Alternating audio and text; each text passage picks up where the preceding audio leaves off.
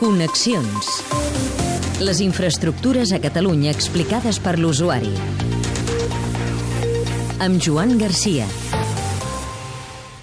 Aeroport de Reus, 11 rutes, la majoria amb el Regne Unit, sobretot a càrrec de Ryanair i l'operador turístic Thomas Cook per portar turisme a la Costa Daurada. Més d'un milió de passatgers l'any 2017, un 25% més que l'any anterior. Avui hem anat a Reus, ens hi espera el president de la Cambra de Comerç per fer una visita a l'aeroport, que ha quedat despenjat de l'aposta del Ministeri de Foment per fer de Girona la quarta pista de l'aeroport del Prat. Som aquí davant de la Cambra, entrarem... Hola, bon dia. El senyor Isaac Sant Romà. Un moment, sisplau, que l'avisem. Isaac? Hola, bon dia. Hola, què tal? Bon dia, gràcies per rebre'ns. Ah, gràcies a vosaltres. Vostès aquí, a la Cambra de Reus, són de les veus més insistents al territori per reclamar que, que, que l'aeroport sigui una infraestructura eh, més competitiva. Eh? Pues sí, home, jo crec que és un del paper de les, de les cambres de comerç i més al nostre territori, que l'aeroport sempre em dic que és una infraestructura vital per nosaltres i la Cambra de Comerç està per això, per, per intentar de que ningú s'oblidi d'aquest aeroport. Doncs li sembla que anem tirant i anem parlant? Perfecte. Hem arribat a Reus un dilluns, el centre està animat i ha marcat avui. Sí, bueno, el dilluns sempre a Reus ha tingut, jo diria que una, una, una fama de, de, de que és un dia de mercat.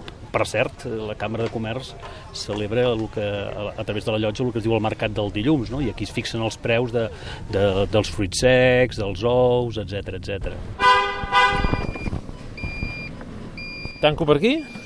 Sí, però d'aquí Què hi tenim d'aquí a l'aeroport? D'aquí a l'aeroport uns 10 minuts. Està, jo crec que en un lloc, en un lloc estratègic i també molt ben comunicat amb, perquè hi ha les sortides de l'autopista, de l'autovia i de tot els nucli més turístic com pot ser Vilaseca, Cambrils i Salou. En transport públic també? Sí, en transport públic també. Hi ha uns autobusos i, i atenen, atenen perfectament totes les sortides i arribades, tant, tant a Reus com també als, als altres nuclis.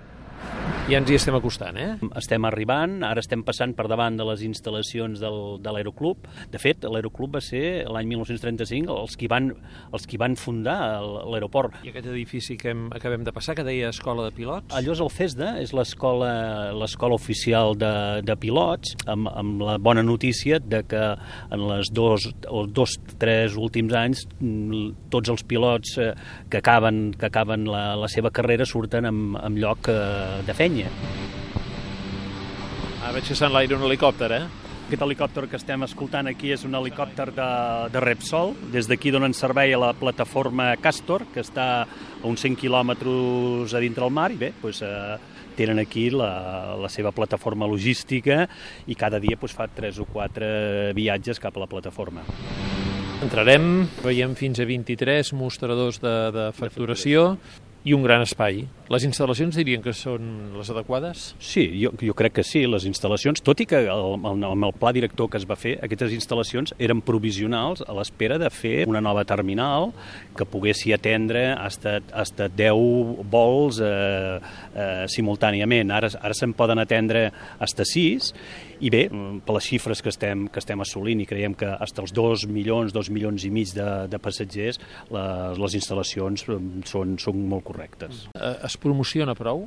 Des de la taula de l'aeroport, que és la qui intenta promocionar aquest, aquest, aquest aeroport, doncs sempre reclamem doncs, algunes millores. Per exemple, l'hora d'obertura de, de l'aeroport. Aquest és un aeroport que a les 10 del vespre es tanca. Eh, nosaltres entenem de que això doncs, fa de que alguna companyia que potser se, se pensessi vindre aquí, això és un hàndicap per, per ells. No? Després també tenim un problema de que el, les sortides de quan, quan arriben els vols, pues, eh, hasta que no arribes a les maletes és, és, una, mica, és una mica farragós el, el tindre que el, el, tot, tot aquest procés no? I que, es podria, que es podria, es podria millorar. És un aeroport molt estacional, de fet, eh, hasta fa 4 o 5 anys eh, estava uns, uns mesos tancat. Eh, anem, anem lograr de que tinguessi també activitat durant, durant l'hivern i llavors ara pues, tenim uns 15 vols eh, setmanals a, les illes ingleses, eh, també a Irlanda, com també tenim un vol a, a Frankfurt, eh, un vol a Bèlgica, a Charleroi, i també dos vols a, als Països Baixos, com és Amsterdam i, i Eindhoven.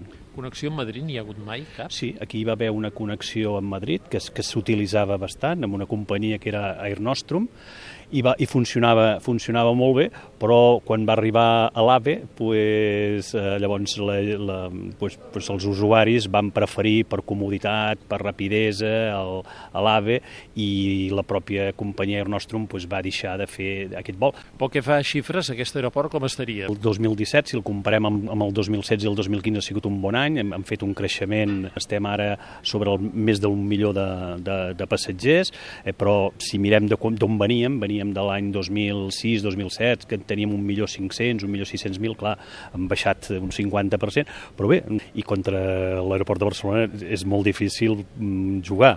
eh, quan Ryanair va decidir Quan Ryanair va, va fer l'aposta de tindre, de tindre una, les bases que té ara a l'aeroport de, de Barcelona.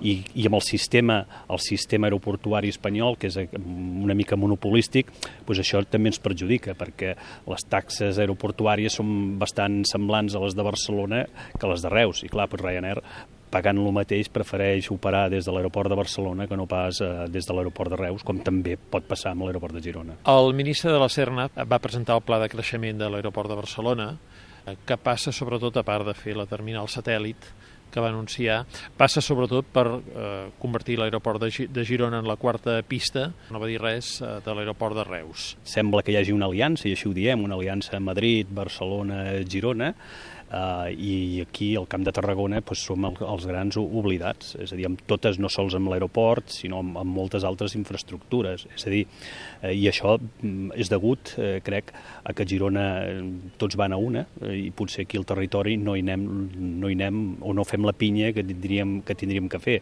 Aquí pues, potser la rivalitat Reus-Tarragona no, no, no ens ajuda. El ministre, quan diu que Girona serà la quarta pista, ho diu perquè abans havia havia dit de que l'aeroport de Girona tindrà també un baixador de l'AVE.